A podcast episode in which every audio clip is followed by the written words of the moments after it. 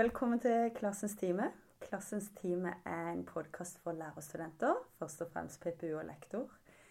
Eh, for eh, dere som skal ut og bli lærer i ungdomsskole og videregående. Og nå har jeg med meg Dorian. Du er i min klasse, i PED-klassen min. Det er jeg. Ja, og det er andre semester som vi er sammen. Ja. Eh, og noe av grunnen til at jeg har invitert deg inn i klassens time i dag, det er jo fordi at det er mangfoldsuke her på Universitetet i Agder. Og, eh, og du har holdt et foredrag. Det skulle være et seminar, men nå er jo alt eh, lukka, nesten. Så det måtte være digitalt. Men det var et veldig sterkt foredrag. Men aller først, Dorian, kan ikke du fortelle hvem du er? Um, jeg heter Dorian Gabriel Norheim. Um, jeg er 23 år, blir 24 i sommer. Uh, jeg er lektorstudent uh, med engelsk som hovedfag og religion som andre fag. Og jeg er på fjerde året og skal veldig snart inn i siste praksisperiode. Um, så det er veldig spennende. Um, grunnen til at jeg holdt dette foredraget, er jo fordi jeg er trans. Um, jeg er transmann uh, og ikke-binær, som vil basically si at jeg bare Jeg leker litt med kjønnsroller og kjønnsuttrykk, og jeg trenger ikke å holde meg inne i én boks, for jeg er lei av bokser. Men det er ikke alltid like lett å være såpass ute med sitt kjønnsuttrykk når man er slengt inn i et klasserom, for å si det på den måten. Nei, og du, når du sier dette med bokser, du er lei av bokser, ikke Ja. sant? Eh, og så tenker jo jeg med en gang at det må, da, det må være litt slitsomt å være lei av det, men jeg forstår det også veldig godt, For jeg, tror at vi mennesker, vi, vi tenker fort, vi plasserer i bokser, og det er en måte kanskje å skape oversikt, trygghet, og finne ut av ok, der har vi den personen, der har vi den, og så på en måte eh, Ja, jeg vet ikke. Det er vel noen form for trygghet i det, eller kontroll. Absolutt. Det. Og jeg putter jo ting i bokser sjøl. Og jeg er veldig glad i å legge ting inni hodet mitt og putte ting i bokser og organisere dem og holde oversikt på den måten. Men det er ikke nødvendigvis de boksene jeg er lei av. Det er eh, ja, de normative ideene som samfunnet har til hvordan du skal oppføre deg, og hvordan du skal se ut. Og hvis du er født i denne kroppen, så er du nødt til å bruke disse klærne. Og det er jo helt tullete. For det er jo- bare noe vi har funnet opp. Og det er jo ikke ekte, sånn egentlig. Nei, nei, det er jo ikke det. Eh, det er hvem er jeg, og hvem er du? Og Dorian, du er, du er Dorian. Det er ikke lett å sette deg i en boks. Eh, det er det, og det forstår en jo òg ut ifra hva du sier. Ja, du kan jo prøve å se hva som skjer. ja. Eh, Men nå, nå ble jeg kjent for det, med det for halvannet år siden, er det vel egentlig. Da hadde Ja. vi det første semesteret i pedagogikk, og så har det gått et år, og nå har vi det andre semesteret sammen. Ja. Og eh, jeg opplever kanskje at det har vært en utvikling eh, gjennom disse årene her, kanskje. Det vet jeg ikke for deg på UiA. Men jeg opplever at du er veldig åpen, og det var veldig fint nå også når vi starta opp semesteret. Du var tydelig når vi hadde introduksjonsrunde i, eh, i klassen på hvem er du, og hvordan du ønsker å bli omtalt. Ja. Og det er noe man bare er nødt til å gjøre når man er i en situasjon som min. For hvis ikke så ender du opp med at noen tenker om deg og omtaler deg med feil pronomen og feil kategori i et halvt år før du får korrigert dem. Og det er mye enklere om man er up front og sier dette er hvordan du skal snakke om meg. For da gir du dem ikke rom for tvil, og du gir dem ikke rom for å bli vant til noe annet. Så det er rett og slett en ganske sneaky metode for å få folk til å bare automatisk stille inn uh, på riktig kanal, for å si det på den måten. Ja. Og så er det Jeg tror det er veldig lurt. Eh, jeg tror det kan i hvert fall skape en sånn trygghet at ikke en lurer på oss, er det bare Ja. så, så har vi på en måte fått hilse på hverandre. Og, ja. Um, men, men, det er jo Jeg skjønner jo også om en hadde tenkt at det burde være unødvendig. For jeg, jeg sier jo ikke det at jeg heter Birgitte og ønsker å bli omtalt med hun, f.eks. Kanskje du burde det? Ja, kanskje jeg burde det. For da setter du Altså som lærer så setter du en standard i klasserommet ditt at her kan du bruke de pronomene som du bruker. Fordi hvis du som cis-kvinne, antar jeg, uh, sier 'Jeg heter Birgitte, og jeg bruker hun-pronomen', da åpner du automatisk samtalen for elever og studenter som kanskje ikke har de pronomene som du forventer. Men, men, da får de lov til å si det fordi du allerede har sagt Her er vi åpne om sånne ting. Hmm.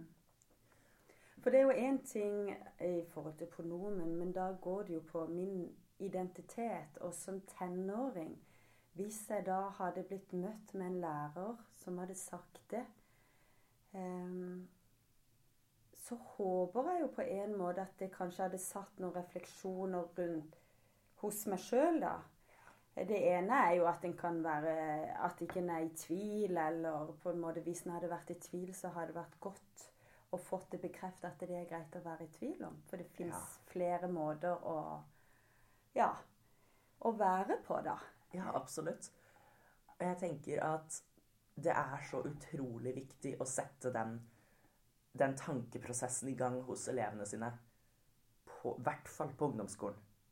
Dersom du underviser på ungdomsskolen, så syns jeg det er kjempeviktig. For det er på ungdomsskolen og videregående at de finner ut sånne ting om seg selv. Og bare det å bli fortalt at det er lov Altså dersom jeg hadde blitt fortalt i åttende klasse at du har lov til å ikke være en jente, da tror jeg at jeg hadde funnet ut av det veldig mye tidligere. Mm. Fordi det tok meg veldig lenge. Jeg, jeg, prøvde ut veldig mange forskjellige uttrykk. Og jeg endte opp med å ja, Jeg kjente at noe var feil, men jeg visste ikke hva. Mm. Fordi jeg hadde ikke språket, og jeg hadde ikke begrepene og kunnskapen om hva som kunne være ja, feil i hermetegn, da. Men Så da, jeg prøvde å være hyperfeminin. Og være sånn OK, hvis jeg bruker masse sminke og skjørt og kjoler og høye hæler, kanskje jeg kommer til å føle meg bedre. Men det var litt feil retning, for å si det på den måten. Men dersom noen hadde fortalt meg at du trenger ikke å være en jente hvis du ikke vil være det Det hadde Jeg tror det hadde gjort en verdens forskjell. Mm. Kan det også få tenke, at det er nok mange som kjenner på at ikke det er rom for å være meg. At ikke det bare handler om identitet, men det kan være egenskaper. Det kan være uh, at bare At normalitetsbegrepet uh, det er så snevert, da.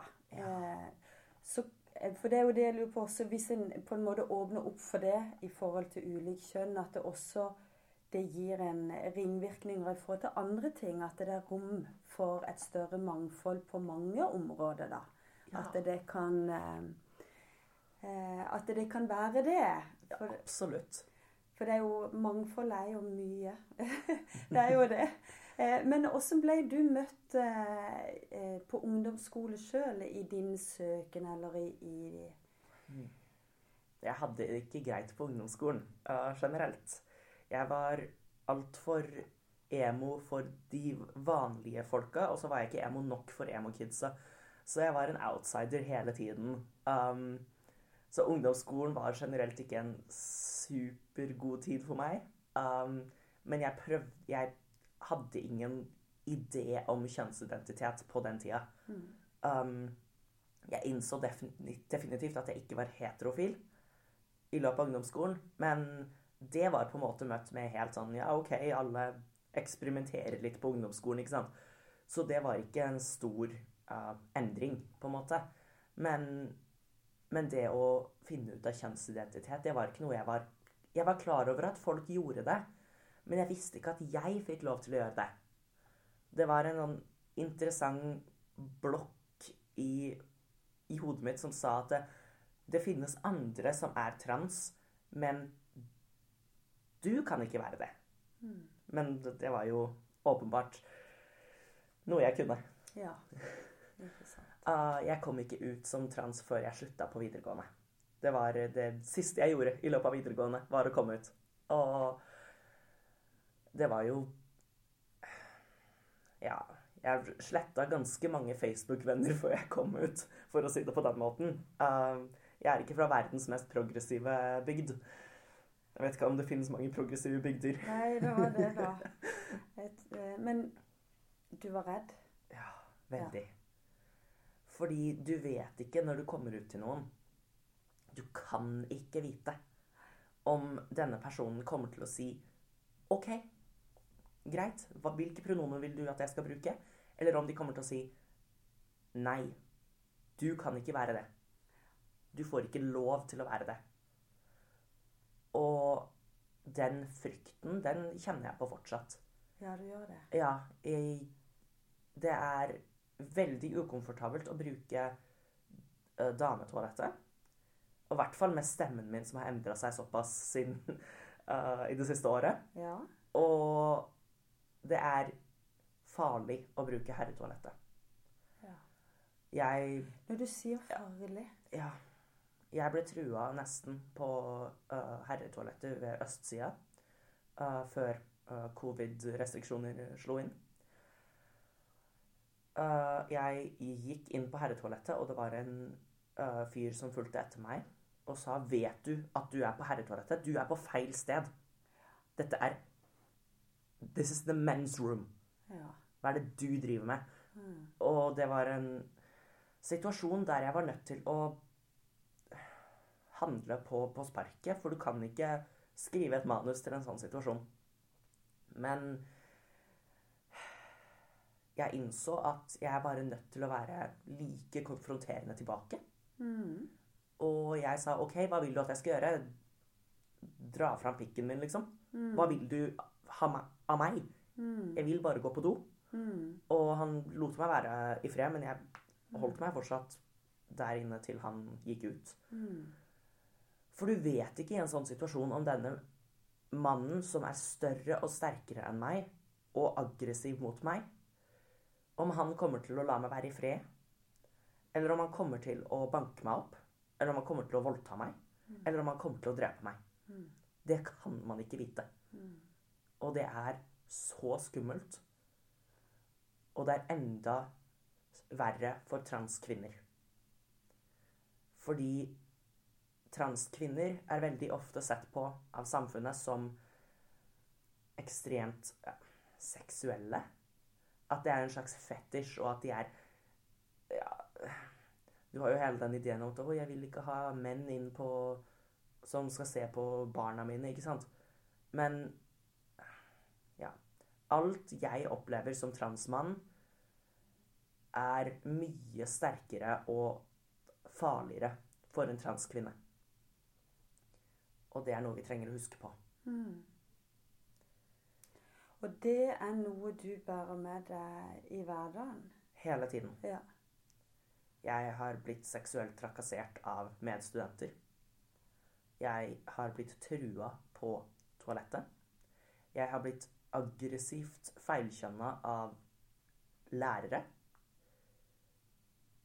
Og det er Jeg er vant til det. Og sånn burde det ikke være. Jeg burde ikke være vant til det. Nei. Skje, hva skjer med deg når du blir vant med det? Gjør det noe med egenverdien din? Det er et godt spørsmål. Jeg tror jeg bare blir sint. Jeg, jeg blir lei av folk. Jeg blir sint på mennesker som en helhet, og det er ikke et sted jeg har lyst til å være. Uh, jeg var der da jeg var ja, på ungdomsskolen, fordi jeg visste ikke hva som var galt, og alt føltes forferdelig. Og det er ikke et sted jeg har lyst til å komme, gå tilbake til.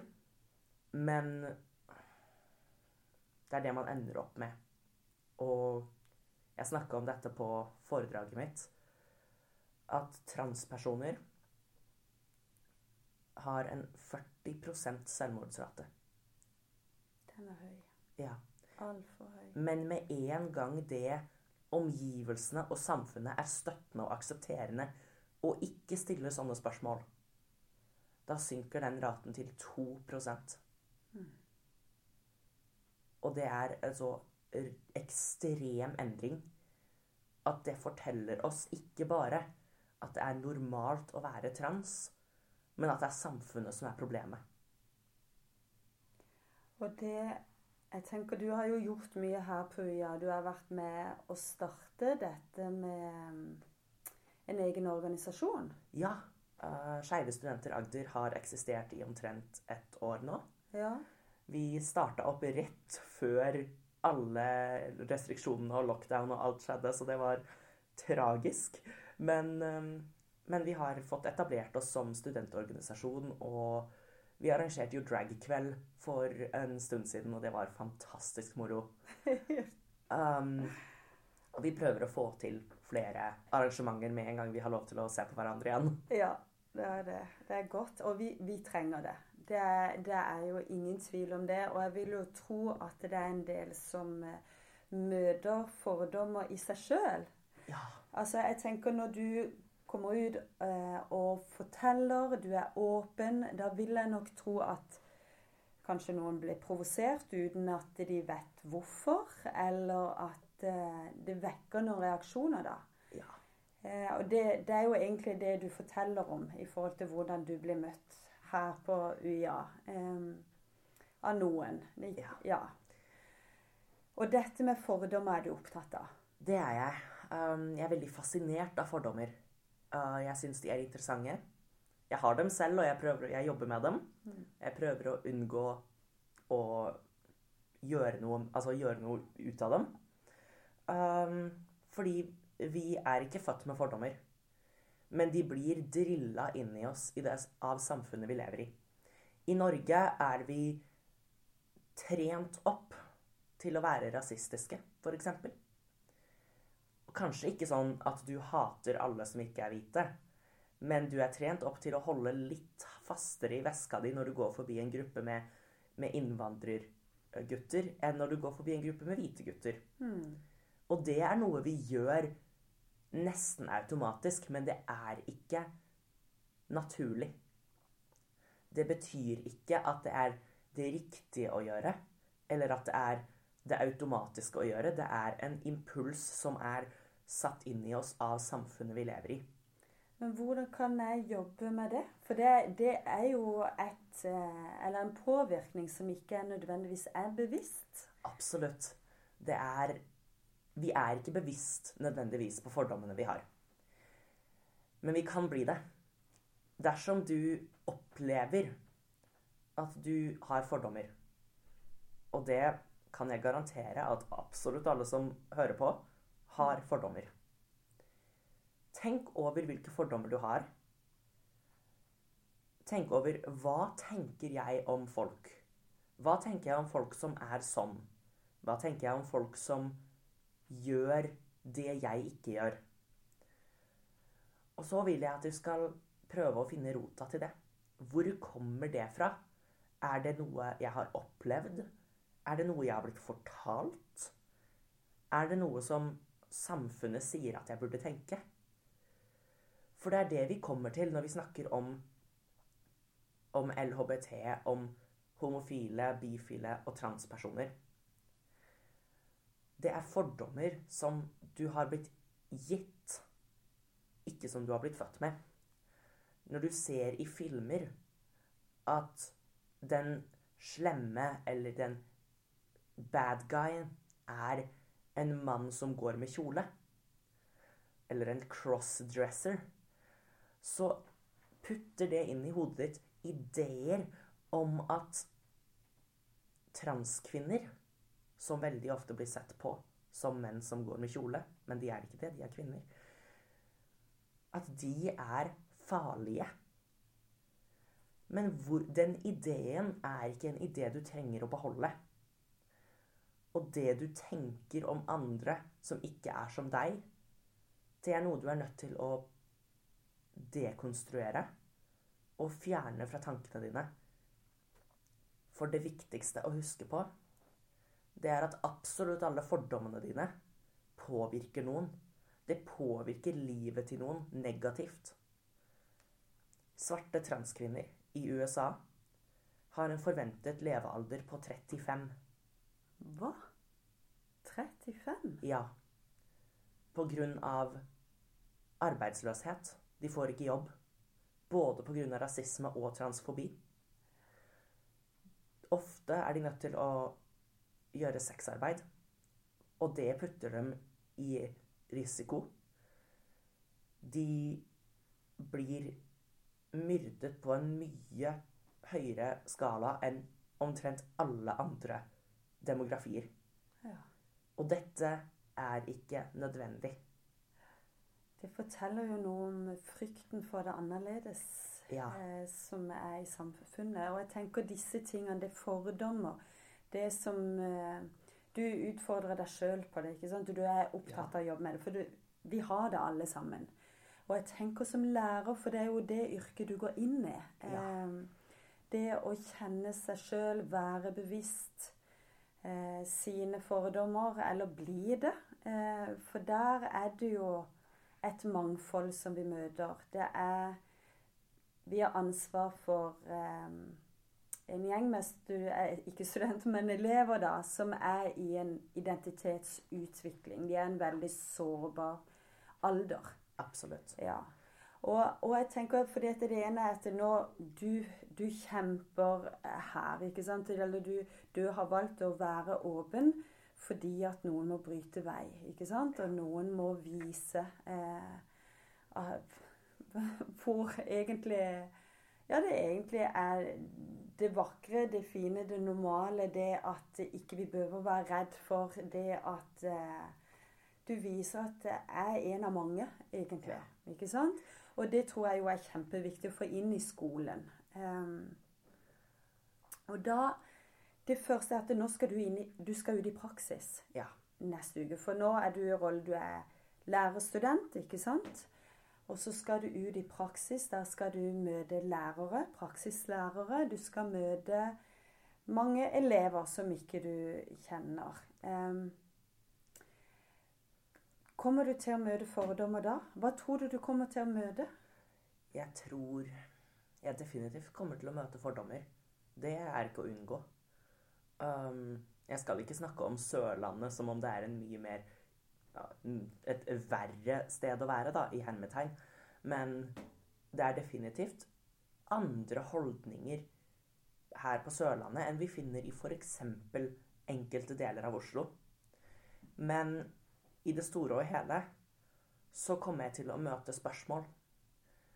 Hvorfor valgte du å være trans, men kan, er du ikke egentlig en jente? Og, og det er spørsmål som er utrolig vanskelig å svare på når man ikke er forberedt på det. Mm. Men det er utrolig slitsomt å måtte være forberedt på det hele tiden. Du ender opp med å Du går med den Å hele tiden være forberedt på å forsvare din egen identitet. Men jeg, det, jeg har ikke noe valg. Fordi hvis jeg ikke gjør det, og hvis jeg ikke forklarer for elevene mine hvem jeg er, hvordan jeg kom fram til det, hvordan det har gjort livet mitt bedre, hvordan kan jeg da forvente at de skal bryte ned sine egne fordommer, eller finne ut ting om seg selv på den samme måten? Som lærer er vi automatisk et forbilde. Og den tålmodigheten som vi trenger å ha for elevene våre, er uendelig. Mm. Men vi er også nødt til å bryte ned våre egne fordommer når vi kommer inn i et klasserom. Fordi du tenker kanskje at de guttene som sitter på bakerste rad, de kommer jo til, ikke til å være, gjøre like bra som, som de to jentene som sitter forrest, ikke sant? Og ja, den Her har du en person som ikke har et norsk navn. Kanskje den personen kommer til å trenge litt ekstra hjelp. Mm. Og det kan være sant, men det er ikke en god idé å gå inn i et klasserom med disse ideene om hvordan elevene dine er, før du faktisk har møtt dem. Mm.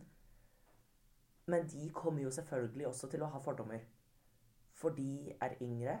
De har nesten garantert ikke gjort de samme dype og vanskelige utfordringene til sin egen til sine egne tanker. De er kanskje litt mer opptatt av fotballkampen i helga eller eh, eksamen Mm. enn de er de store problemene i samfunnet. Men det betyr ikke at alle er helt ignorante heller. Mm. Fordi dagens ungdommer er så mye mer politisk aktive og oppmerksomme enn det vi noen gang var på ungdomsskolen og videregående. Og jeg vil jo tro at du vil kunne møte en del provoserende utsagn. Absolutt. Eh, og, og spørsmål, som du sier. Og det kan jo også være elever eller ungdommer som provoserer for å også Pga. sin egen usikkerhet i dette her, da. Så det, det der å være trygg i seg sjøl i møte med ungdommen. Uh, og jeg tenker det er jo så flott det der at uh, vi har en lærerstab.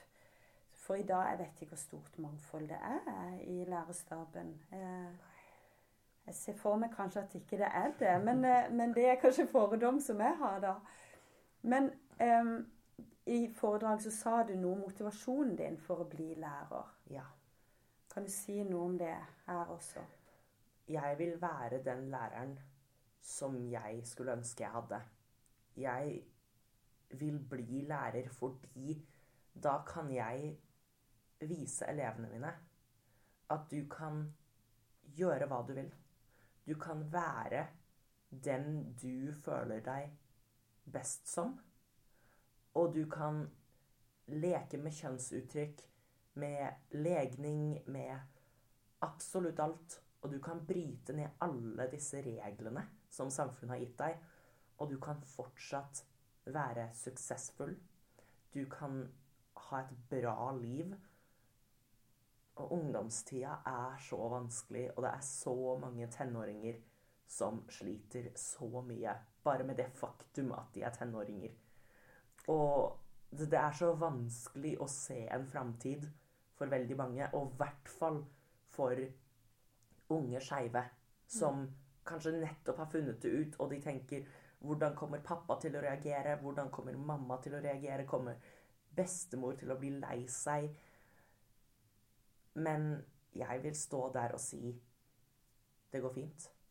Du kan være deg, og du kan klare deg, og du har en framtid. For det er det de trenger. Mm. De trenger en voksen som sier til dem at du kan være den du vil. Uansett hva. Mm. Det er, det er bare nødvendig å være. For de som lærer, så er du nesten et, en tredje forelder. Og den, den, det rollebildet som du setter der, det er så ekstremt viktig for elevene. Og, og om jeg kan hjelpe bare én av mine elever til å innse ting om seg selv, og til å se en bedre framtid enn de trodde de hadde, da er jobben min gjort. Mm. Menneskeverd. Ja. Det å kjenne at jeg er verdifull, jeg, å finne min vei, eh, det med en klasse Jeg bare ser for meg et klasserom med 30 elever. Og det å Det ene er jo på en måte at du kan formidle det. Du sier det jo så flott, ikke sant? Og så er det med noe med det der å, å kjenne det òg, at det, det å bli sett, da. Ja. Og få på en måte liksom støtte eh, underveis. For en er jo veldig tett på, i hvert fall i, i ungdomsskolen så pleier en jo å ha ganske mange timer inn i hver klasse. Litt færre kanskje når en kommer til videregående. Eh, har du gjort deg noen tanker om hvordan du kan klare å se eleven? Det er Det krever et, et øye for detaljer. Og jeg hadde en fantastisk opplevelse i min første praksis. Um, I en engelskklasse på en ungdomsskole. Der jeg hadde en elev som sa at han var dum. Og han klarte det ikke. Og han burde bare gi opp. Og jeg satte meg ned med den eleven mens de andre jobba. Og jeg sa til han at dersom du går fra en toer til en treer, så er det en så mye større forbedring og så mye mer fremgang enn om en av de som du kaller smarte, går fra en femmer til en sekser. For da har de bare polert lite grann. Men du har tatt enorme skritt. Og bare det faktum at dagen etter så kom denne eleven opp til meg og sa jeg tok med meg boka hjem, og jeg har begynt å jobbe på presentasjonen min. Mm.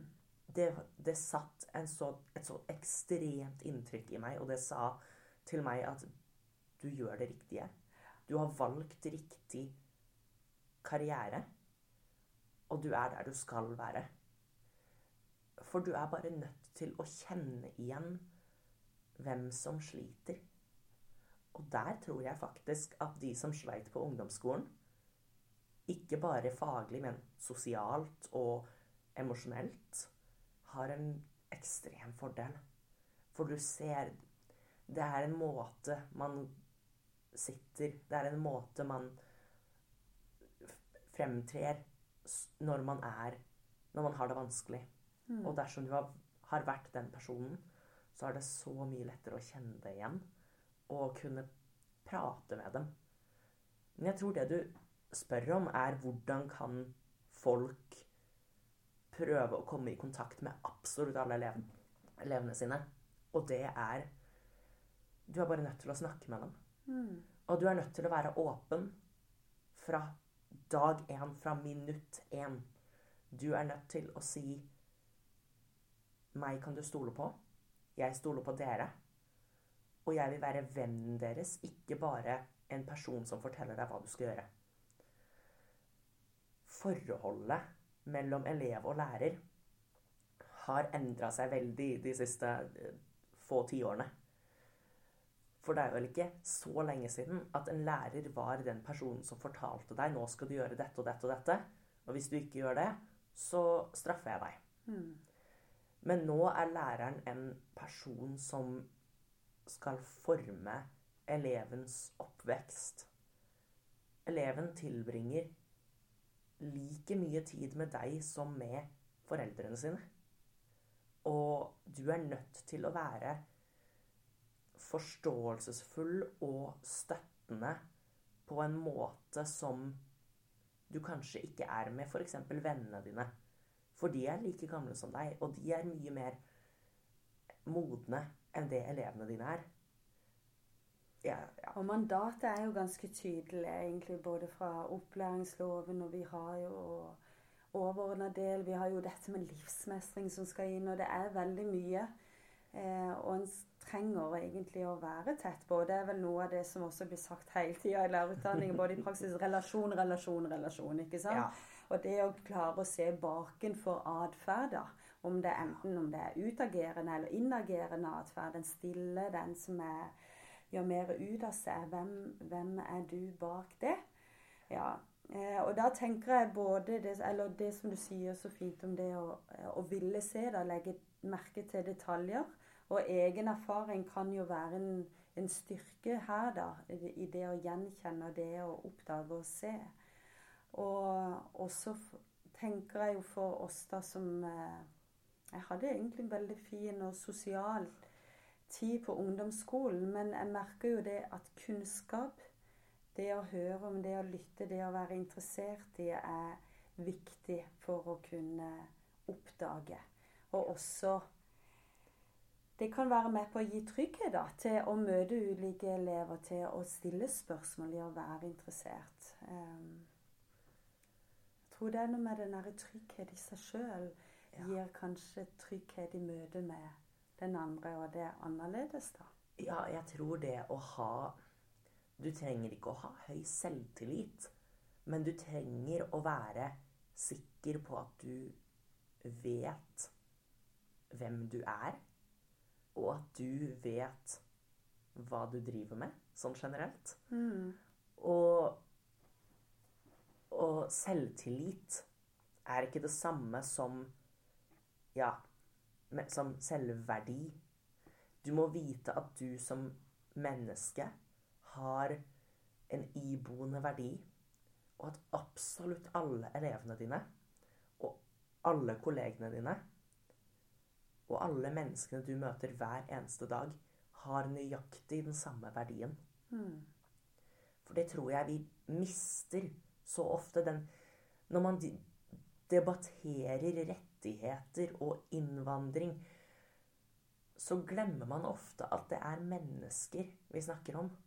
Og at dersom verden hadde vært litt annerledes, så kunne det vært deg og dine rettigheter som folk sto i et annet land og diskuterte. Og jeg tenker den ja, relasjonen. Relasjonen med elevene sine, den er så viktig å opprettholde.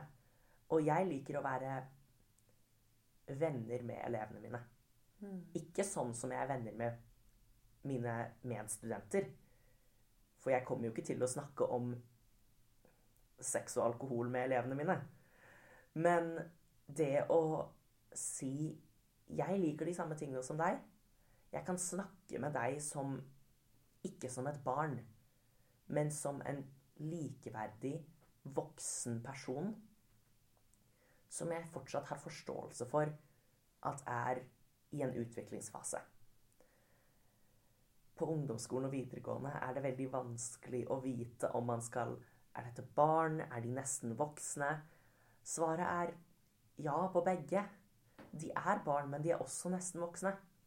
Og det er en såpass vanskelig eh, alder å forholde seg til.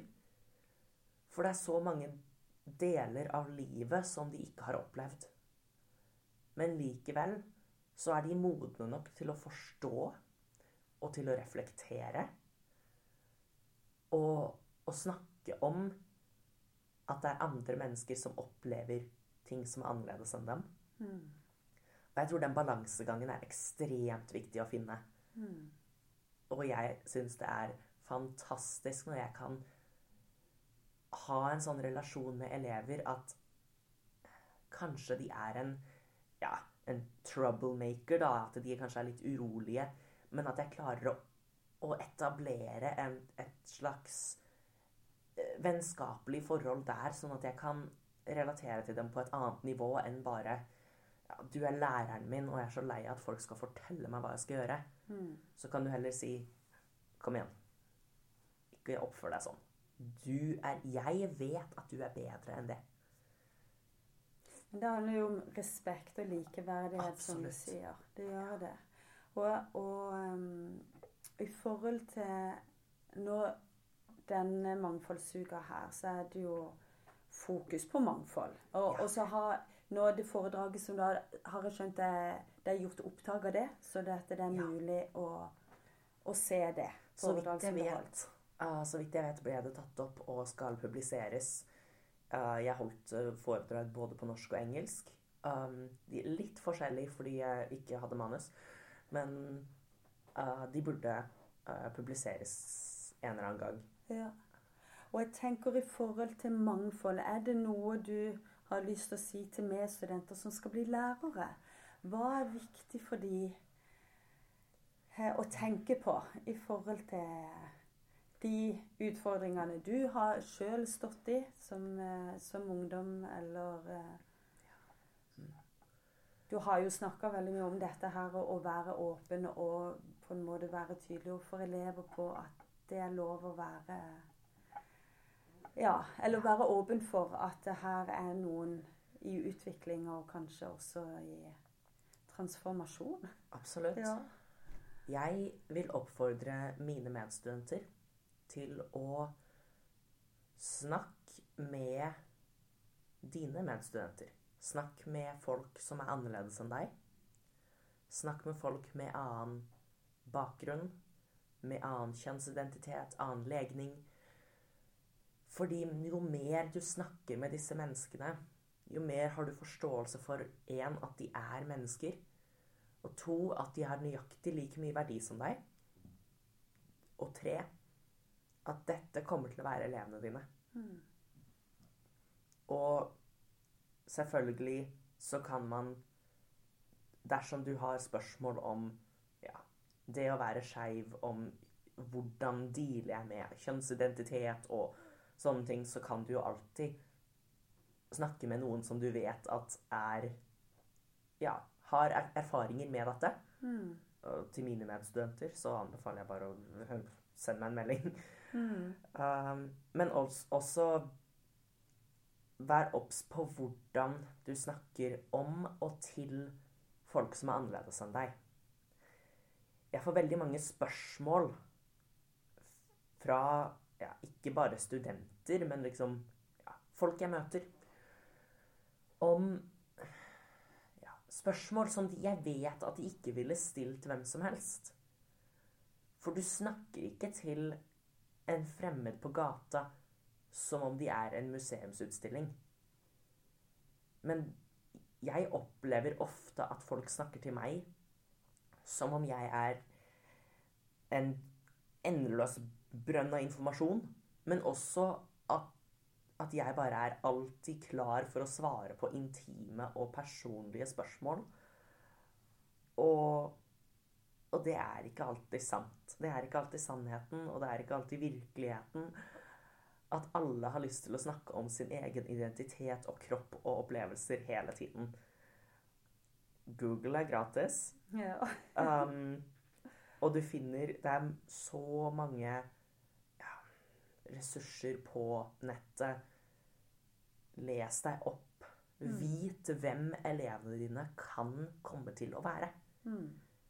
Og vit hvordan du skal deale med situasjoner som oppstår.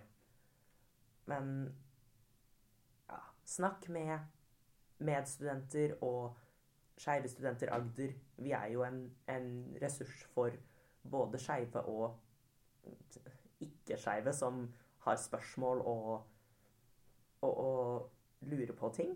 ja. Men også tenke over at vi er også mennesker. Og vi har gode dager og dårlige dager og ekstremt dårlige dager. Og det er ikke alltid man har lyst til å svare på spørsmål om kroppen sin 50 ganger på rad. Det er noe med å få lov til å Eller å, å skille mellom det, kanskje det personlige og det private, da. Vi, vi, sånn som en gjør, egentlig. Og det gjelder jo da Ja. Men dersom.